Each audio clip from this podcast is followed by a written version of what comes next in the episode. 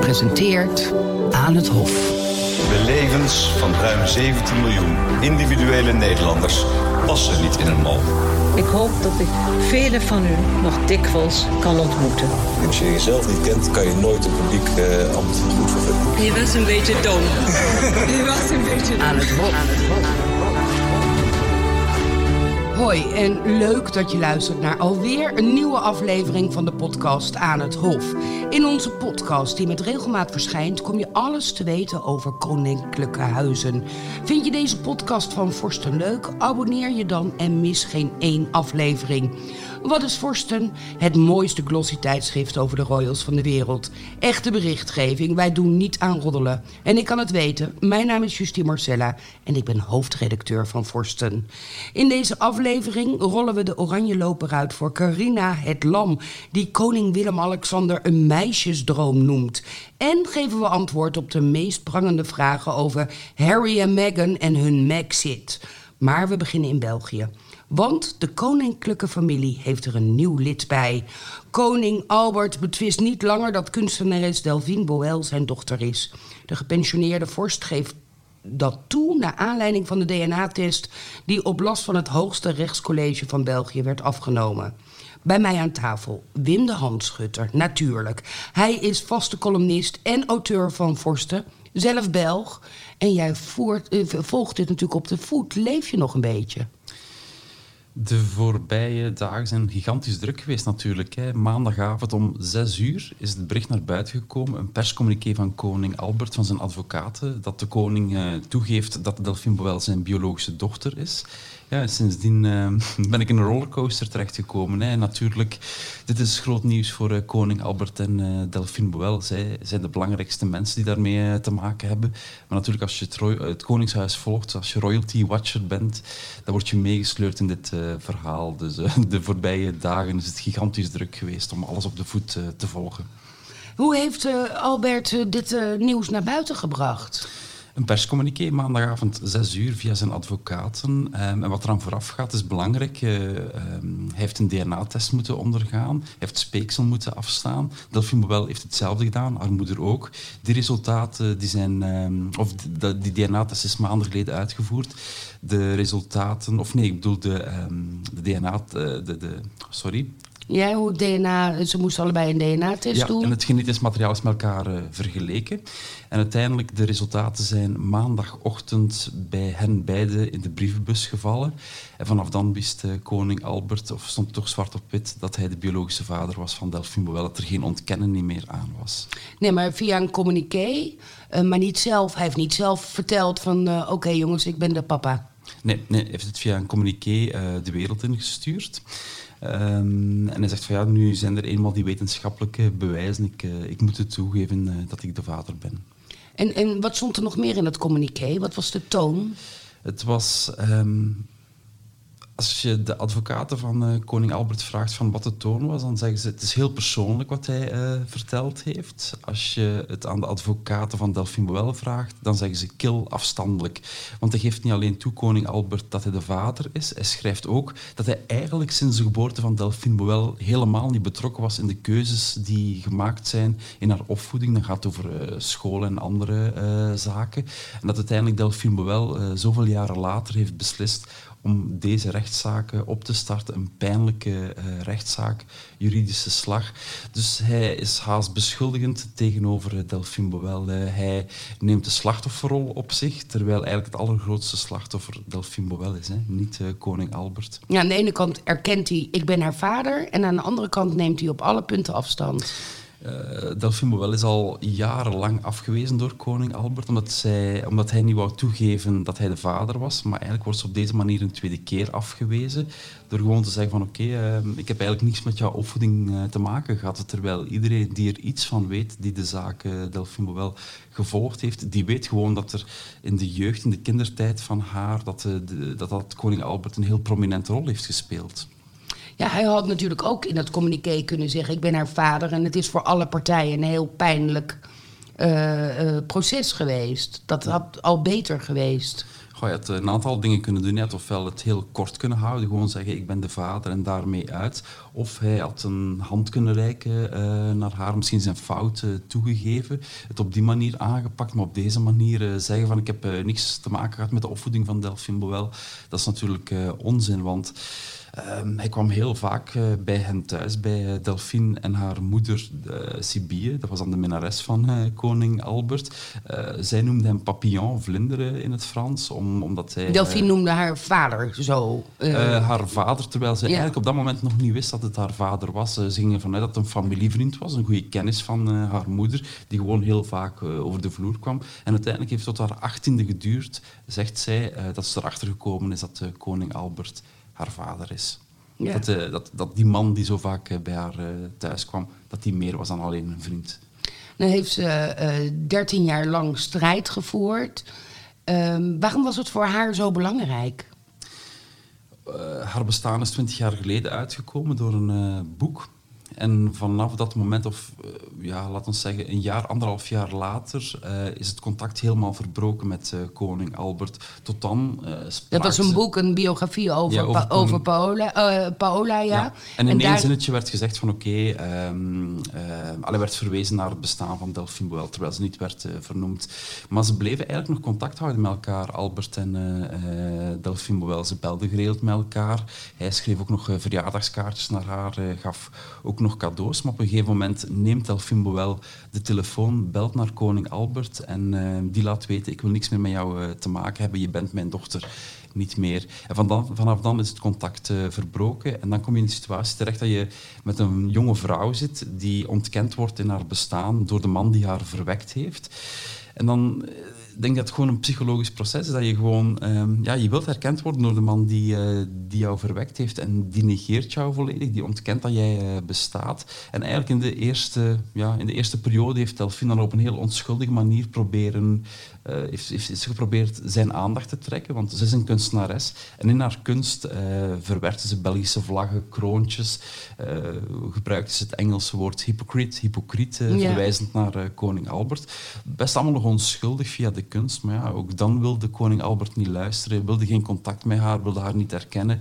En dan zeven jaar geleden is ze naar de rechter gestapt, omdat het voor haar de ultieme, de enige mogelijkheid nog was om zwart op wit te horen dat hij haar vader is. En waarom heeft uh, koning Albert zo hardnekkig uh, tegengewerkt? Want ik, wij zien ook in de reacties op onze social media kanalen, dat begrijpen we niet.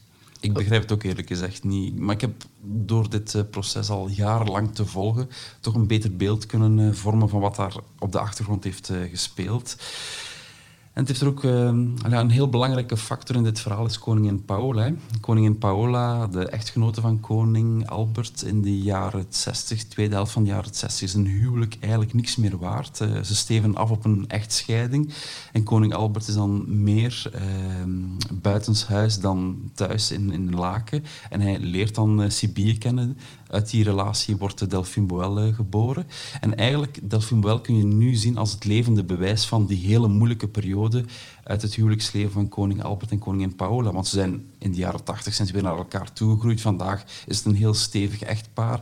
Je, je bent bijna vergeten dat ze ooit door een zware huwelijkscrisis uh, gegaan zijn. Maar voor koningin Paola is Delphine Boel nu eenmaal die leven, dat, dat, dat, levende bewijs van die, die huwelijkscrisis. Daar wil ze niet aan herinnerd worden. Ze heeft naar verluidt ook koning Albert verboden om over Delphine Boel te spreken.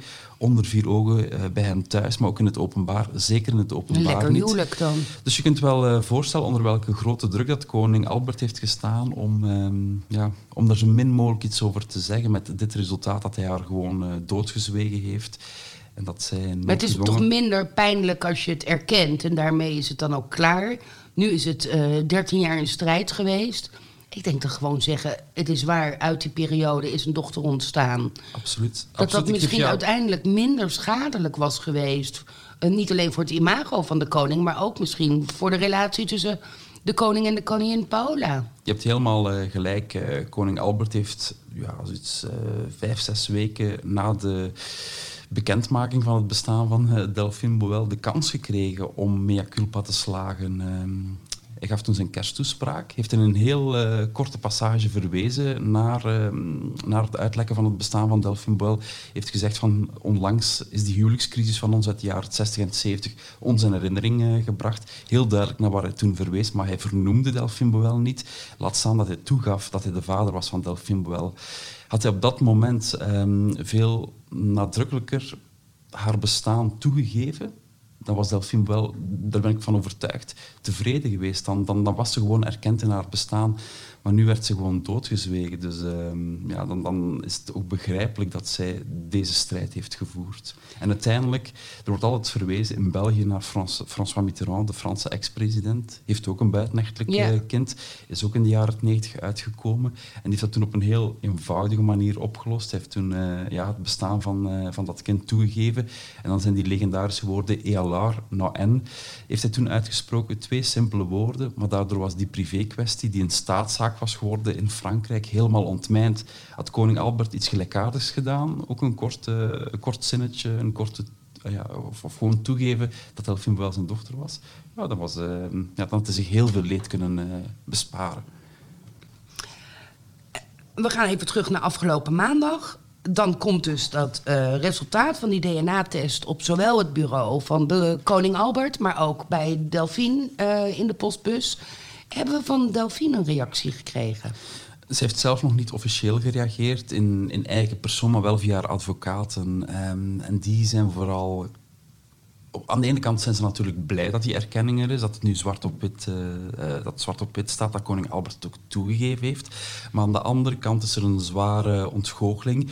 Uh, voelt Delphine zich geschoffeerd omdat koning Albert het op zo'n kille manier gedaan heeft. Gewoon ontkennen van oké, ik, heb, ik heb niks voor haar betekend in haar opvoeding.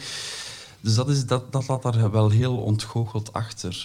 Um, en wat er ook meegespeeld heeft de resultaten waren dan enkele uren voordien uh, bij hen in de brievenbus gevallen. Um, en de afspraak was blijkbaar dat de advocaten uh, onderling nog in gesprek met elkaar zouden gaan om te zoeken naar een consensus. Dat is toch het verhaal dat advocaten van Delphine Boel uh, ophangen. Maar ja, door... Uh, een consensus koning... over wat? Ja, er ging nog zoveel geregeld moeten worden. En misschien konden ze zoeken naar een juiste manier om dit verhaal naar buiten te brengen, waarbij iedereen zich tevreden kon uh, stellen, waarin, een oplossing waarin iedereen zich kon uh, vinden. Misschien een financiële oplossing, wat dan ook. Maar ja, ze hebben niet die kans gekregen, het kan Delphine wel, om in uh, discussie te gaan, om in gesprek te gaan, in overleg te gaan met uh, koning Albert, want hij heeft de vlucht vooruitgenomen en heeft de resultaten meteen bekend uh, gemaakt. Dus daar speelt ook nog heel veel onvrede op de achtergrond. Um, we noemen hem koning Albert, maar de huidige koning, koning Philip, dat zou dus eigenlijk een halfbroer zijn, is een halfbroer, weten we nu, van Delphine. Heeft hij gereageerd? Het Koninklijke, Paleis, het Koninklijke Paleis, als we dan uh, mogen spreken over het instituut uh, waarvan koning Filip het hoofd is, uh, heeft de voorbije maanden, jaren nooit positie ingenomen in deze zaak, zelfs nooit commentaar gegeven, on of off the record. En ook nu hebben ze nog geen communiqué of geen reactie naar buiten gestuurd. dus wat koning Filip op dit moment denkt van deze zaak, is onbekend. Maar het zou toch best chic zijn als hij zou zeggen uh, nou ja, eigenlijk. In Nederland hebben we natuurlijk ook een prins gehad, Prins Bernhard, die twee uh, dochters nou ja, postuum erkende. Daar heeft uh, zijn dochter, een huidige prinses Beatrix, natuurlijk ook nooit echt een verklaring over gegeven. Dus misschien is dat wel heel bonton in koninklijke kringen. Maar het had gekund.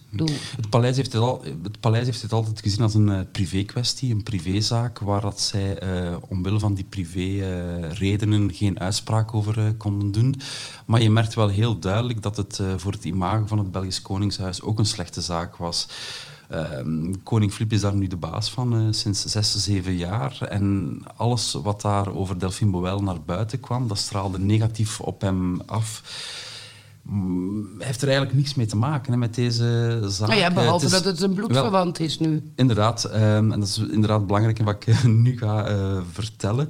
Um, hij heeft er in zekere zin in theorie niks mee te maken, want hij heeft Delphine wel uh, niet verwekt, maar hij zit nu wel met de gevolgen uh, daarvan, dat dat, dat ook, ook negatief op het Koningshuis afstraalt. Um, Ik heb uh, nu in onze krant, in het Nieuwsblad, uh, de krant waar ik voor uh, schrijf, vandaag een opiniestuk over geschreven van welke positie moet koning Filip nu in deze zaak doen of wat kan hij doen. En eigenlijk is kort samengevat, komt erop, komt erop neer dat ik vind dat koning Filip toch op een of andere manier een hand moet reiken aan Delphine Boel. Ik verwijs daar bijvoorbeeld naar een voorval van twee jaar geleden. Toen um, zat Delphine Boel samen met de vrienden op restaurant in Brussel. Ze waren daar aan het eten en opeens komt koning Filip in de zaak binnengestapt in het gezelschap van zijn echtgenote koningin uh, Mathilde. En dochter en toch dochter uh, Elisabeth. Ze komen de zaak binnengestapt, ze hebben niet gereserveerd. Maar ze willen wel uh, komen eten en er is nog een tafeltje vrij, uitgerekend naast dat van uh, Delphine Boel en haar uh, gezelschap. En eigenlijk had Philippe twee zaken kunnen doen. Hij, hij kon Delphine zien en zeggen van oké, deze confrontatie wil ik niet aangaan, ik stap op, ik ga hier niet eten. Maar hij heeft dat niet gedaan, hij heeft de tweede optie genomen en is gewoon naast Delphine gaan zitten. Oké, er is geen contact met elkaar geweest, ze hebben elkaar niet gesproken. En op dat moment kon ik eigenlijk zijn um, standpunt wel begrijpen dat hij geen contact met haar. Uh, nou, ik zou toch even een hand gegeven hebben. Ik heb hier niks mee te maken. Het is iets tussen u en mijn vader. Maar wat een pijnlijke kwestie. Er waren heel veel mensen in de zaak natuurlijk, hè, die ooggetuigen waren ja. van uh, dit geval. Dus uh, het lag gevoelig. En op dat moment was Delphine Boel, Delphine Boel nog niet officieel dan de halfzus van nee. uh, koning Filip. Maar wat mijn punt nu eigenlijk is, ondertussen zijn de zaken sinds maandag veranderd. En eigenlijk komt erop neer, ik ik ga er niet van uit dat uh, Delphine wel op het paleis moet uitgenodigd worden met een ceremonie van welkom in de koninklijke familie. Ik ga er ook niet van uit dat, uh, de, dat de koning Filip een schilderij van Delphine Boel moet kopen en het ophangen in het uh, paleis. Dat hij uitnodigingen voor haar moet sturen om, om haar uit te nodigen op de nationale feestdag. Dat verwacht ik ook niet dat hij dat gaat doen. En aan de andere kant, Delphine Boel is daar ook niet op uit. Ze wil absoluut geen actieve rol in het koningshuis spelen. Ze is ook niet uit op de titel van prinses van België. Maar als het de volgende keer een restaurantbezoek is waar ze elkaar tegenkomen, dan vind ik wel dat uh, koning Filip nu wel uh, naar uh, Delphine Boel moet stappen, ja, de hand schudden, contact met haar moet zoeken. Al is het maar achter de paleismuur een kopje koffie drinken. Van goh, hoe gaat het met u? Ja, want nu zij echt officieel zijn halfzus is, zou het echt wel van... Zou, zou Filip echt een groot man zijn als hij toch tenminste Delphine wel erkent in haar bestaan. Eigenlijk heeft koning Albert zijn vader dat altijd nagelaten, heeft daar een grote flater mee begaan en eigenlijk krijgt koning Filip nu de kans om toch een en ander goed te maken. En daar heeft Delphine absoluut recht op. Delphine kent wel het broertje van de koning, hè, Laurent? Die hebben elkaar wel gesproken. Ja, ja, en ze zijn ook al samen op de foto gegaan. Ja. ze hebben uh, elkaar ontmoet op een receptie, uh, minstens één keer. Daar is een foto van genomen. Geen van de partijen had daar problemen mee. Met mocht Claire perfect, erbij ook? Ja, mocht perfect op de foto vastgelegd worden. Laurent heeft heel veel affiniteit uh, voor, voor Delphine, omdat je ook duidelijk merkt dat ze dezelfde strijd hebben gevoerd. ze hebben allebei een vader die hen negeert. Uh, Delphine wel 100 procent. Ja, ook Laurent zoekt feitelijk naar erkenning. Ja, ja, ja, ja. Dus eigenlijk ze hebben dezelfde, ze zijn bondgenoten in dezelfde strijd. Dus je voelt gewoon, hij heeft heel veel sympathie voor haar. En zij heeft ook uh, lange tijd heel veel sympathie voor hem gevoeld. Ja. Nu gaan de, uh, de koning en de koningin gaan binnenkort naar Amerika. onder andere voor de VN bezoeken. Jij gaat mee, jij gaat ook voor ons een verhaal daarover schrijven. Is er dan de mogelijkheid dat jij ze dan vragen stelt en zou je dan hier ook een vraag over durven kunnen stellen? Normaal gezien gaan wij uh, samen met het regeringsvliegtuig, ja, het Belgische regeringsvliegtuig, um, naar New York vliegen. En zij gaan dan op het vliegtuig normaal gezien ook een informele babbel met de journalisten voeren. Dus ik ga met hen kunnen spreken. Alleen is het de vraag natuurlijk, dit, gevoel ligt, uh, dit onderwerp ligt zo gevoelig in de koninklijke familie of dat het juiste moment is om daarover te beginnen. Uh, we zullen het moment moeten afwachten, maar ik denk dat het als totaal ongepast zou ervaren worden om uh, daarover te beginnen. Maar je weet maar nooit. Het is wat anders dan praten over een baard uh, van de koning. Dat, dat snap ik, ja. ja. Ja, je kan het misschien dat hij daar ook wel, dat zou ook natuurlijk een mooie gelegenheid zijn als hij uit zichzelf daar, van ik ga er verder geen vragen over beantwoorden, maar ik wil er wel een kleine verklaring over geven. Onschuldig, of nou niet onschuldig, maar dat deed onze koning natuurlijk in, in de uh, kwestie toen het heel slecht ging met Prins Friso. Geen vragen, maar wel een kort uh, statement overgeven. Dat zou natuurlijk een goede tussenweg kunnen zijn, denk mm. ik. Maar goed. Maar dus, Deze week bijvoorbeeld vindt er nog op het uh, Koninklijk Paleis een nieuwjaarsreceptie plaats voor alle belangrijke figuren uit de Belgische samenleving. Ja. eh, ministers, ehm, eh, het gerecht, eh, hoofdredacteurs van, van Belgische media.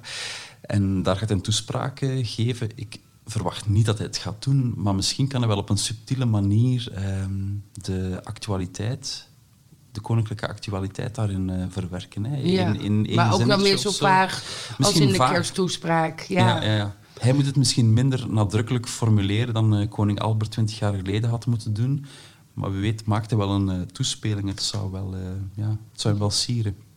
En, en nu, wat gaat er veranderen voor Delphine? Ik bedoel, jij zei net eh, een prinses, maar zij wordt geen prinses, want ze is niet voortgekomen uit het wettelijk huwelijk van Albert, eh, Albert en eh, Paola. Dat is volgens mij de voorwaarde ehm, om in België dan prinses te zijn. Bovendien is ze ook nog een, zeg maar later gekomen. Nu is het sowieso al niet meer dat ze aan... Leg jij het maar uit. Ik, Ja. eh, ik ver- word verwarrend.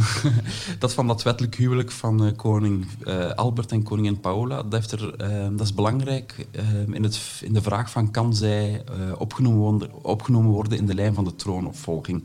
Dat kan niet gebeuren. Ehm, ze gaat daar niet in opgenomen worden omdat zij een buitenechtelijk kind is van koning Albert. Over de vraag van gaat zij, prins of, of gaat zij prinses van eh, België worden, daar zijn de meningen over eh, verdeeld. Eh, het hangt ervan af hoe dat je bepaalde regels interpreteert. Maar er is een nieuwe wet vier jaar geleden gestemd en die zegt je kunt alleen maar prins of prinses van België worden als je ehm, eh, de dochter of de zoon bent van de huidige koning. Dat is dan koning Filip of van de troonopvolger prinses Elisabeth. Dus als die regel, de nieuwe regel van toepassing is, komt die te laat voor Delphine Boel. En waarom zou die niet van toepassing zijn? Omdat er nog kan eh, verwezen worden naar hoe dat de regels voordien waren. En dan Ja. eh, kan dat wel eh, het geval zijn. Maar ik ga er ook vanuit dat Delphine wel daar niet op uit is om die titel te veroveren. Of het er moeilijk mee gaat hebben dat, dat, dat de nieuwe regels worden toegepast. Maar wat het belangrijkste gevolg is, of een van de belangrijkste Ja, gevolgen haar is... achternaam bijvoorbeeld. Ja, ja. Wat, gaan we, wat, wat, wat gaat dat worden? Ehm, er zijn verschillende mogelijkheden. Het kan zijn dat ze Delphine van, België gaat eh, heten, zoals eh, prinses Astrid van eh, België, prins Laurent van België. Maar ik hoor dat, het, dat kans groot is dat ze van Saxen-Coburg gaat heten, dat ze die familienaam wilt aannemen, verwijzend dan naar de Duitse dynastieke familie waar haar eh, vader en voorouders eh, van stammen. Maar die al, al, ook al eh, generaties lang niet meer gebruikt wordt. Ja, al, Wordt echt afgestoft dan? Ja, al honderd jaar na Ja. de Eerste Wereldoorlog wordt die naam niet meer... eh, Nee. Maar uiteindelijk zij kan het blijkbaar heel veel verschillende opties opteren. En daarvoor zou zij waarschijnlijk kiezen. Maar ehm, een belangrijk gevolg van deze erkenning is dat koning Albert nu vier kinderen heeft in plaats van drie. Dus naast koning Philippe, prinses Astrid, prins Laurent, nu ook Delphine Boel.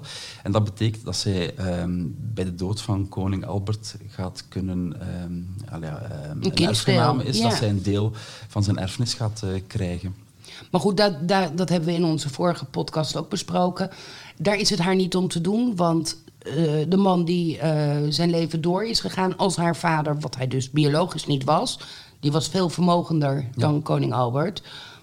Desalniettemin is het natuurlijk toch nog wel een aanzienlijk bedrag wat de koning Albert heeft. Ja, ik kan daar geen eh, ehm, officieel bedrag op kleven. Eh, daar wordt niet over gecommuniceerd Nee, door het eh, privé, paleis. hè? Dat is ook privé.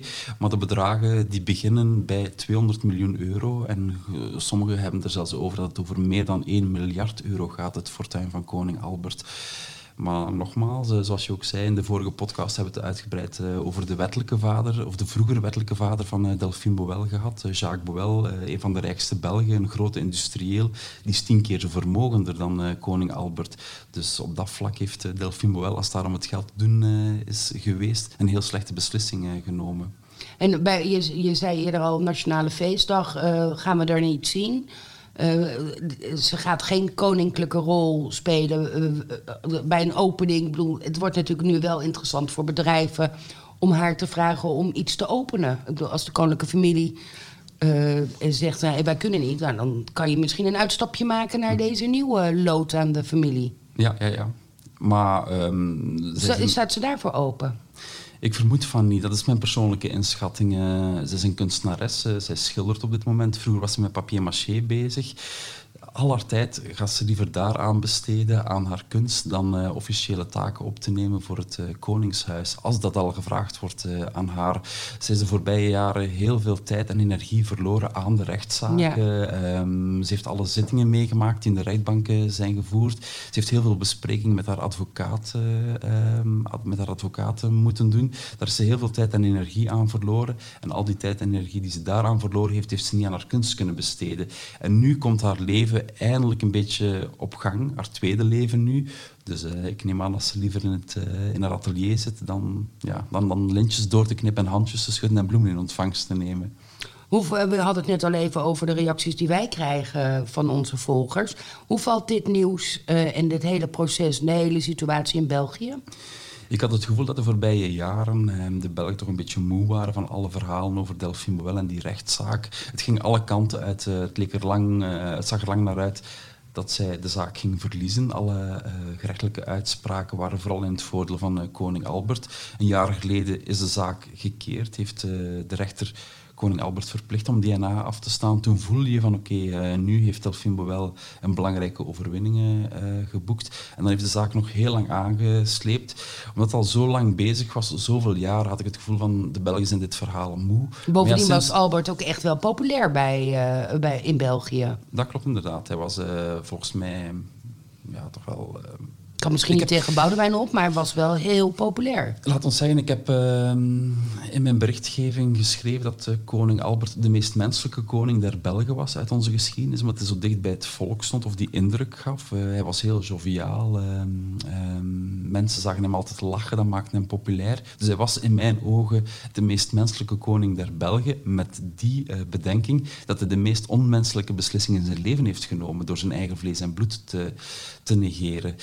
Um, dus ja, om, om, terug te keren op uw, op uw vorige vraag. Uh, ik denk dat de, de, Belgen het verhaal een beetje moe waren. Maar ja, sinds uh, maandag is er nu duidelijkheid over, uh, over het DNA en over de bloedband tussen koning Albert en Delphine Boel. Dus nu is het natuurlijk big news, is het groot nieuws in België. Um, gisteren. Nemen ze de koning kwalijk of staan ze juist achter de koning? Hoe zijn de sentimenten? Er is vooral heel veel sympathie voor Delphine Boel, dat oh. ervaar ik wel. Omdat iedereen ook al wist dat die band er was. Hè. De fysieke gelijkenissen, we hebben het er ook in de vorige podcast ja. over gehad, die fysieke gelijkenissen die waren te treffend. Uh, ik denk dat er maar een paar Belgen waren die nog twijfelden over uh, het feit dat uh, Delphine wel de dochter kon zijn van, van Maar het is Albert. dan ook slecht voor zijn, zijn imago. heeft natuurlijk al wel een beetje te lijden gehad door het feit dat hij wat afwezig is, wat onzichtbaar. Zeker als je het vergelijkt met de Nederlandse prinses Beatrix, die we nog veel zien is Albert toch vooral met Paola aan het genieten van zijn pensioen. Alle recht, maar goed, dat vond men jammer. En dan dit, dit is niet goed voor zijn... Zometeen gaat hij de geschiedenisboeken in als de koning uh, met, met, het, uh, met het genegeerde kind. Ja, ja, dat is een heel uh, pijnlijk verhaal natuurlijk. Ja.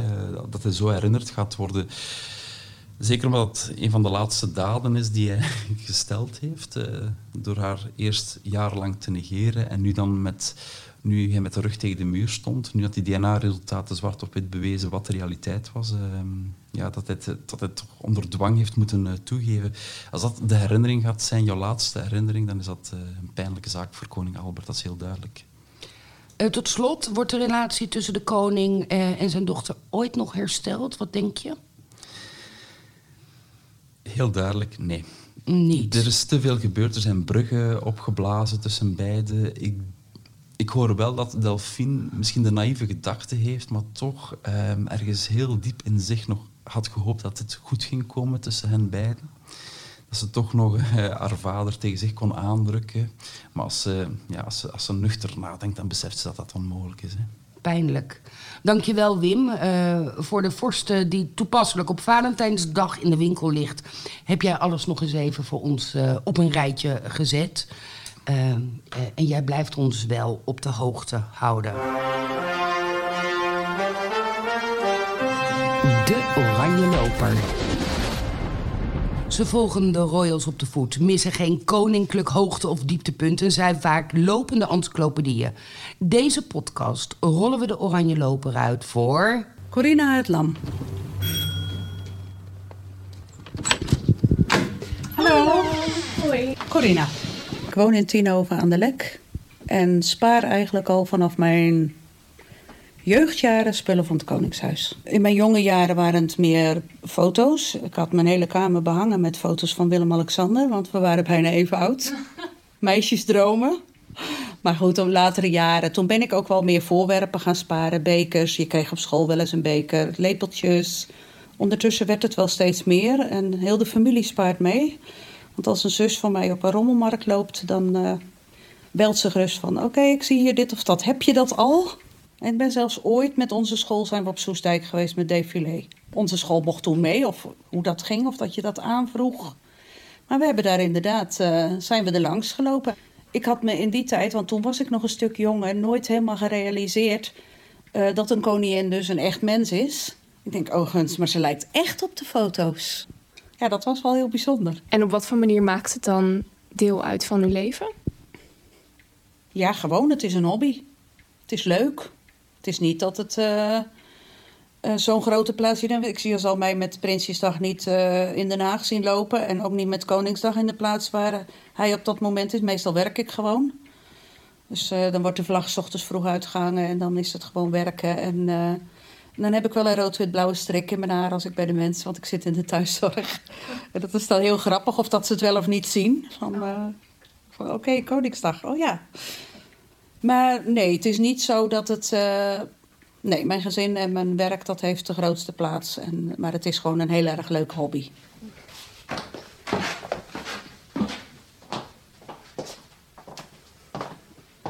Oh, wauw.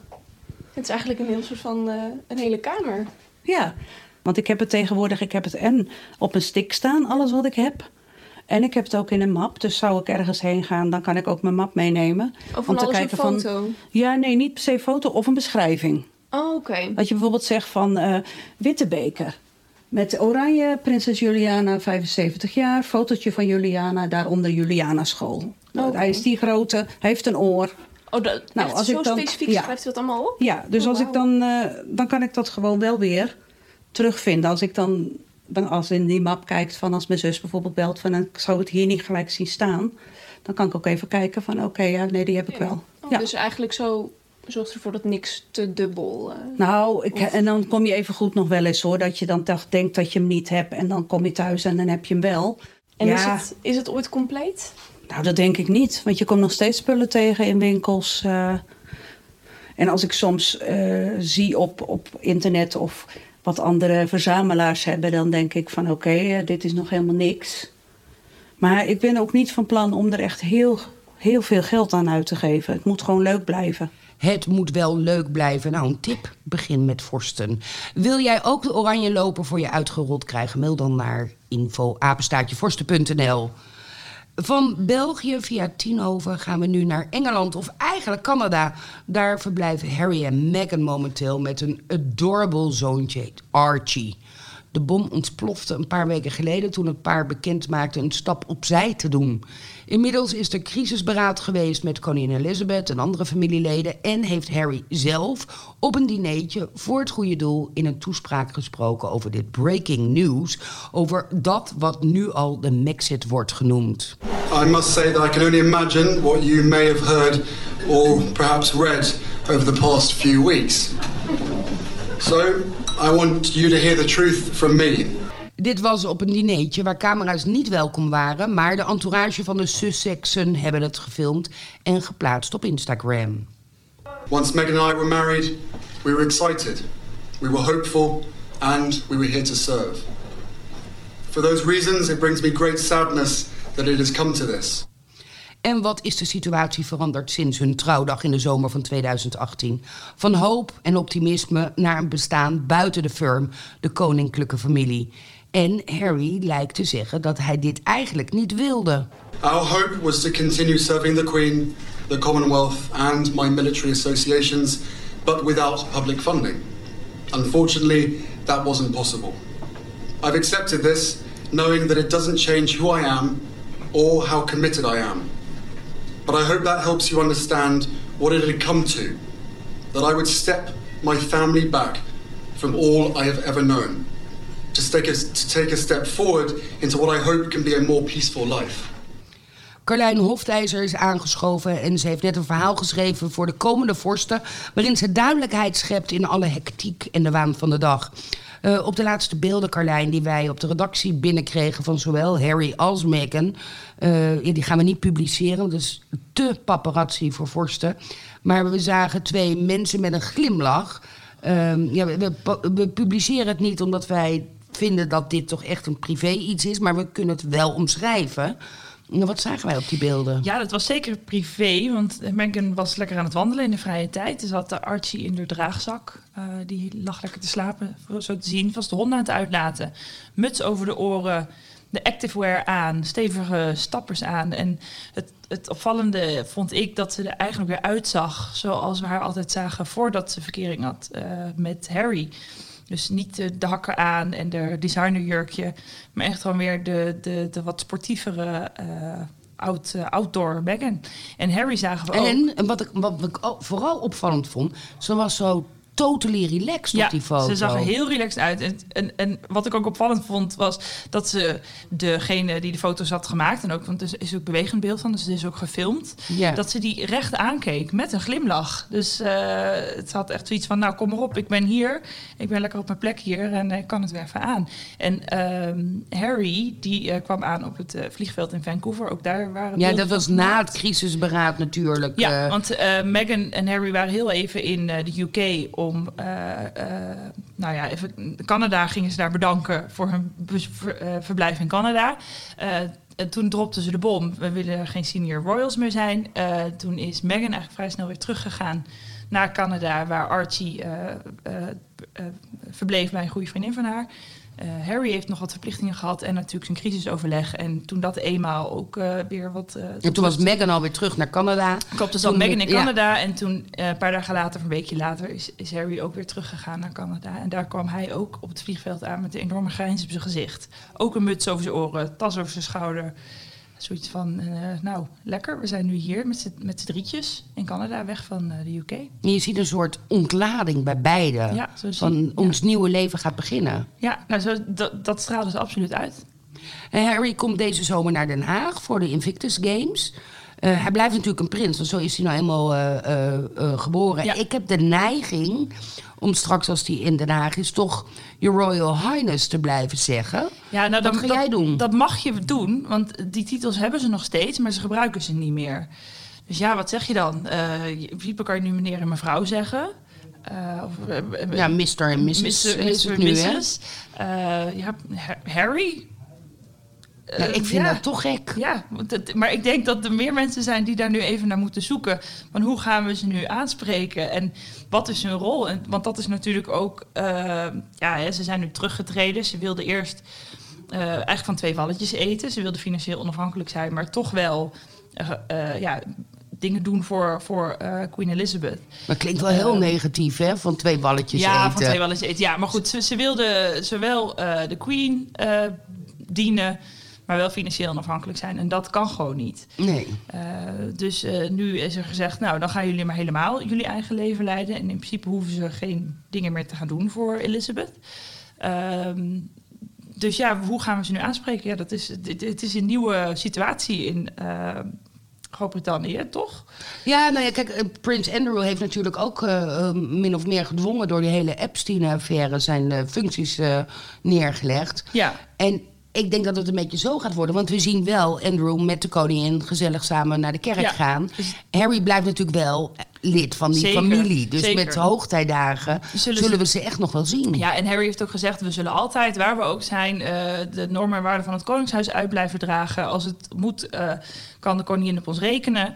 Ehm, Elizabeth heeft gezegd: ze zijn altijd welkom in onze familie. En eh, Elizabeth heeft ook gezegd: ik begrijp de, de wens van Harry en Meghan. Ik had liever gehad dat ze waren gebleven. Maar ik sta er volledig achter. Dus nee, ze zullen altijd welkom zijn, zeker. Maar eh, niet meer als officiële eh, eh, ja, de Royal Highnesses. Nee, want hij wilde ook eigenlijk de Commonwealth nog blijven Ja. steunen. Klopt, dat Nou was het idee. Maar daar zit dus denk ik toch die hardere scheiding. Ja, terwijl hun beschermheerschappen houden ze weer wel. Ja, klopt. Want dat is toch meer persoonlijke titel. Of titel, hè? eh, Op persoonlijk eh, gebied houden ze die. En, en je hebt bijvoorbeeld Invictus Games, die, die heeft Harry praktisch opgericht. Dat is echt zijn kindje. Dus die, die heeft hij niet zomaar toegewezen gekregen van de Queen. En dat geldt ook voor zijn Centebale Stichting. Eh, ik, ik, Meghan heeft- het zo goed uitspreek Ja, ja, volgens mij wel. En Meghan heeft ook al vier Ja. Eh, organisaties waar ze haar naam aan heeft verbonden. Ja, en, en eh, nou, dat zijn organisaties die haar ook na aan het hart liggen. Dat past ook wel in de lijn van wat zij altijd al doet. Dus opkomen voor vrouwen en meisjes enzovoort. Ehm, dus nee, die houden ze gewoon. Ja. Ehm, Harry gaf aan af te zien van de toelagen. Maar laten we eerlijk zijn, dit klinkt guller dan het is, hè? ja, dat klopt. Ja, ze komen niet met eh, lege zak op straat staan. Ehm, sowieso was het zo dat 95% van eh, de uitgaven die Harry en Meghan dus ook deden... eh, betaald werden door prins Charles. Die heeft een hertogdom, hertogdom van Cornwall, waar hij heel veel inkomsten uit genereert. William krijgt daar ook uitbetaald. Dan hebben ze nog 5% over. En dat zijn onkosten die ze krijgen van de Queen. Eh, voor het werk dat ze voor de Queen doen. Dus dat zijn eigenlijk geen privé-uitgaven, maar ja, echt onkosten. Ehm, maar Harry eh, heeft ook nog wel een flinke erfenis. Hij heeft van zowel zijn moeder Diana als van overgrootmoeder Elizabeth, dus eh, de Queen, Queen Mom, ja. heeft hij samen met William ook ehm, nou, 13 miljoen en 14 miljoen pond ge- georven. Eh, dus dat heeft hij. Eh Meghan heeft ook, eh, ja, ze zeggen iets van 5 miljoen dollar wordt ze opgeschat. Nou, dat is natuurlijk wat geld wat vastzit. Maar ze hebben dus ook die stroomgeld die ze gewoon nog krijgen. Ja, want daar mag Harry in principe zijn hand voor blijven ophouden bij Prins Nou, hebben ze ook nodig, want ze gaan natuurlijk vliegen. Ik bedoel, ze kunnen nu toch... Ja, ja daar, is dus dat, daar zijn nu ook de vragen over. Hè? Wat wordt waaruit betaald? Welk potje? Want ze willen nu hun eigen geld gaan verdienen. Dus ze willen commercieel gaan werken, zou je het kunnen eh, zeggen. Ja, en, en er zijn mensen die eh, in Groot-Brittannië zeggen... van, ja, weet je, op het moment dat er commerciële klussen worden gedaan... dan mogen ze dat dus nu ook zelf gaan betalen. Ja, en en daarin, eh, in diezelfde lijn ligt de, de vraag over hun beveiliging. Wie gaat hun beveiliging betalen? Eh, daar wordt wat eh, shady over gedaan, maar dat is expres. Want als je te veel uit de doeken doet hoe royals worden beveiligd, ja, dat compromitteert hun veiligheid. Ja, maar dat gaat over hoe. Maar je kunt best duidelijkheid geven wie gaat het betalen. Ja, maar ook daar zeggen ze het nu van. Ja, maar dat, daar willen we ook niet te veel over doen. Maar goed, daar is over vertellen. Maar daar wordt dus nu nog. ik denk dat ze daar gewoon nog niet uit zijn.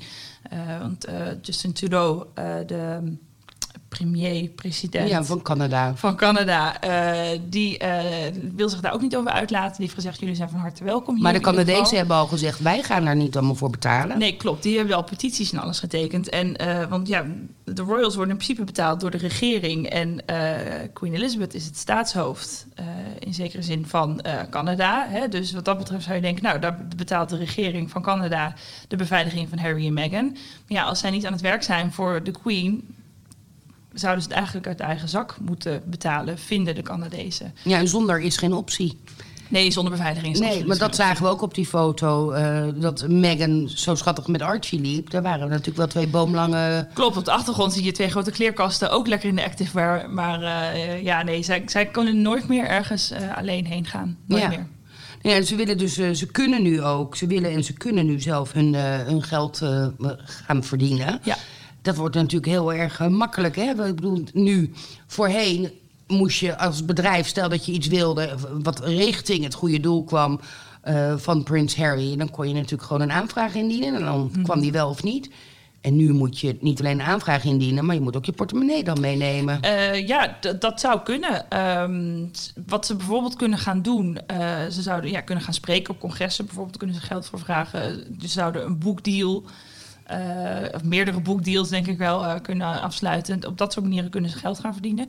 Ehm, ze hebben ook patenten aangevraagd eh, op de naam Sussex Royal. En daar hebben ze ook allemaal, volgens mij eh, wel honderd producten ook daarbij eh, Ja, maar die snap ik wel. Want dat hebben Kate en William ook gedaan. En dat is voornamelijk om eh, te voorkomen dat andere mensen met jouw naam er vandoor gaan. Ja. Dus als zij al die producten moeten ze natuurlijk doen, van Ja. dat ze daar allemaal het recht op hebben, zodat niet iemand anders met Sussex koekjes kan komen. Ja, nou sowieso hebben ze het patent nog niet, want er, er zijn nu nog eh, wat protesten ingediend. Eh, waardoor dit allemaal weer vertraagd wordt. Er is volgens mij een, ergens een arts in Australië die nu heeft gezegd: nee, eh, ik heb bezwaar hier tegen. Waardoor dit hele proces vertraagd wordt. Maar de, hun marktwaarde van uh, Meghan en Harry wordt nu geschat op, nou, volgens mij bijna 600 miljoen. Ja. Ja, heel, dat is flink. Ja, dat is heel erg flink. Dat, ja, maar goed, ze gaan, het, ze gaan het nodig hebben. Want ja, hun, hun, hun jetset leven, wat ze nu waarschijnlijk wel wat gaan krijgen, gaat heel veel geld kosten. Ja, terwijl ze stralen uit dat ze juist heel erg lekker buiten, lekker outdoor. Ja, maar om dat te kunnen eh, bekostigen, hè, want je, kunnen, je kan nooit meer zonder beveiliging. Hè, en ze zullen ook een flink huis hebben daar.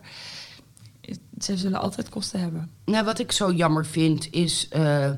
Ze hebben natuurlijk een kleintje. Nou, wie weet komt er nog één. Kate en William hebben drie jonge kinderen. Mm door in Canada te wonen, gaat de familierelatie. En Harry en William waren toch altijd enorme dikke vrienden als broers. Ze hebben natuurlijk een gemeenschappelijk verdriet uh, met de dood van hun moeder. Ja. Dat, dat gaat natuurlijk toch een beetje anders worden. Dan kun je wel skypen en facetimen, maar dat is niet hetzelfde als samen een balletje trappen. Nee, dat, uh, dat, dat zal zeker. En Harry heeft ook gezegd dat je als broers hebben we goede en slechte tijden.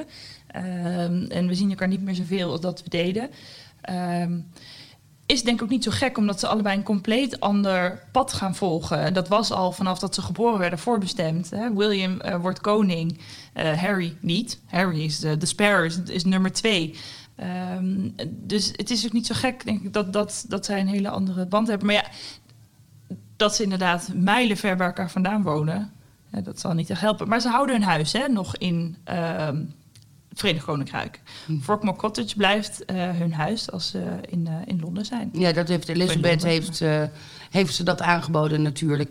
D dat is dan wel weer een ding. Dat is natuurlijk enorm opgeknapt. Ja. Voor heel veel geld gerenoveerd. Ja. En ze hebben nu gezegd, interieur en exterieur. Is zijn, zijn er aanpassingen gedaan? Ja. Uh, en ze hebben nu wel gezegd dat gaan we terugbetalen. Ja, vind ik, vind ik een, uh, vond ik een opvallende keuze. Het is zo dat er een enorme renovatie is uh, gedaan. die is betaald door de Queen en daarmee dus ook deels door de belastingbetalers. Ehm, het interieur, de verf en noem maar op, is wel destijds door Harry en Meghan zelf betaald. Maar Harry en Meghan hebben nu gezegd: wij gaan dit geld terugbetalen aan de Sovereign Grant, het, het potje van, van de regering. Het is, Fort Cottage is een huis met historische waarde voor de monarchie. En eigenlijk is de Queen sowieso uh, ver, verplicht om dat goed te onderhouden uit dat potje. Dus ja, weet je, de, de directe aanleiding was nu Harry en Meghan, uh, die daar wilden intrekken. Maar de Queen had het sowieso moeten onderhouden. Uh, dus dat zij nu aanbieden om het terug te betalen. Vind ik een vrij ja, ik denk dat het royaal ook, gebaar. Ja, ik denk ook vooral om, om daarmee te laten zien van... luister, we willen er niet met geld vandoor. Dat ze echt een statement hiermee maken. Dat, denk ik ook, ja. Ja, uh, uh, nou ja, we, we, blijven het volgen. Uh, we blijven dit, uh, ook al doen zij een stapje terug, dat gaan wij nooit doen. Ja. Dus ook Harry en Meghan. Wat ik trouwens nog wel even leuk vind om te noemen, is ze hebben het natuurlijk ook gehad over hoe zij met de pers om willen gaan. Ja. Harry en Meghan. Um, en um, ze willen bijvoorbeeld niet meer gebruik maken van de Royal Rota. Dat is een.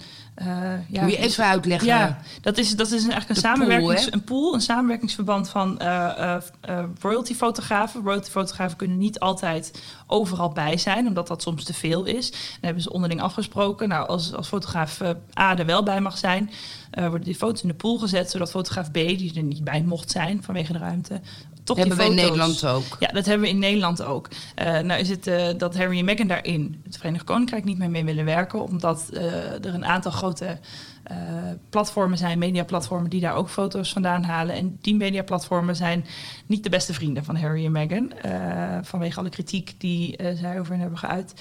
Um, ze willen nu zelf meer gaan kiezen met welke media ze wel in zee gaan. Ze hebben natuurlijk al de British Folk. Hè. Dave Meghan is daar al uh, hoofdredacteur voor geweest, gasthoofdredacteur. Uh, National Geographic, uh, dat soort bladen. Meer divers, jong talent willen ze. Ja, dat ook. En wat, je nu al, wat we nu al hebben gezien. Meghan heeft, toen zij in Canada zat en Harry nog crisisberaad had in de UK, heeft zij twee bezoeken gebracht aan twee stichtingen. Uh, daar was verder geen pers bij, uh, maar de stichting zelf bracht twee foto's naar buiten. Maar kijk, hier, hier was, was uh, Megan met het dik groot logo van Justice for Girls, in dit geval de stichting. Nou, met die foto's ja, moesten we het eigenlijk doen. Misschien is dit wel de nieuwe manier uh, hoe zij dit soort dingen willen gaan aanpakken. Dus meer uh, de autoriteit leggen bij de stichtingen zelf en bij Harry en Meghan zelf. Wat, wat volstrekt begrijpelijk is, maar wat niet gaat werken natuurlijk. Nee, ik denk ook dat dat niet... Uh, de, weet je, de, de pers vindt vast wel weer een... een, een Zeker de Britse pers. Ik bedoel, dat heeft het verleden helaas wel bewezen... Uh, die, die liggen, dat doen wij in Nederland al lang niet meer. Maar in, in, in Engeland willen ze best nog wel een paar dagen in, in de, bosjes liggen. Ja, absoluut. Voor het juiste plaatje om, om een voorpagina te sieren. Ja, weet je, en Harry en Meghan kunnen nu wel Groot-Brittannië uh, zijn ontvlucht. Maar de pers uh, gaan ze niet ontvluchten. Ik wil nu niet heel negatief eindigen. Maar nee. het is wel wat het is. Ja, nou ja. hoe dan ook. want ik zeg media, ik vind altijd een verschil uh, waar zij op doelen, dat is echte paparazzi. Ja, uh, ja. En dat zijn wij zeker niet. Nee, wij, wij publiceren zo'n foto niet voor niks. Precies. Niet. Wij willen niet het verhaal vertellen wat de roddelbladen vertellen. Wij willen het verhaal van de royals zelf vertellen. Precies. En wil je op de hoogte blijven van het laatste koninklijke nieuws? Volg ons dan op Instagram, Facebook, Twitter, Pinterest en onze website. En oh ja, vergeet je natuurlijk niet te abonneren. Uh, op deze podcast. Dat kost namelijk helemaal niks, maar wij maken er op de redactie een koninklijk dansje om. Met Carlijn voorop. Bedankt voor het luisteren en tot een vorstelijke volgende keer. Dit was Aan het Hof.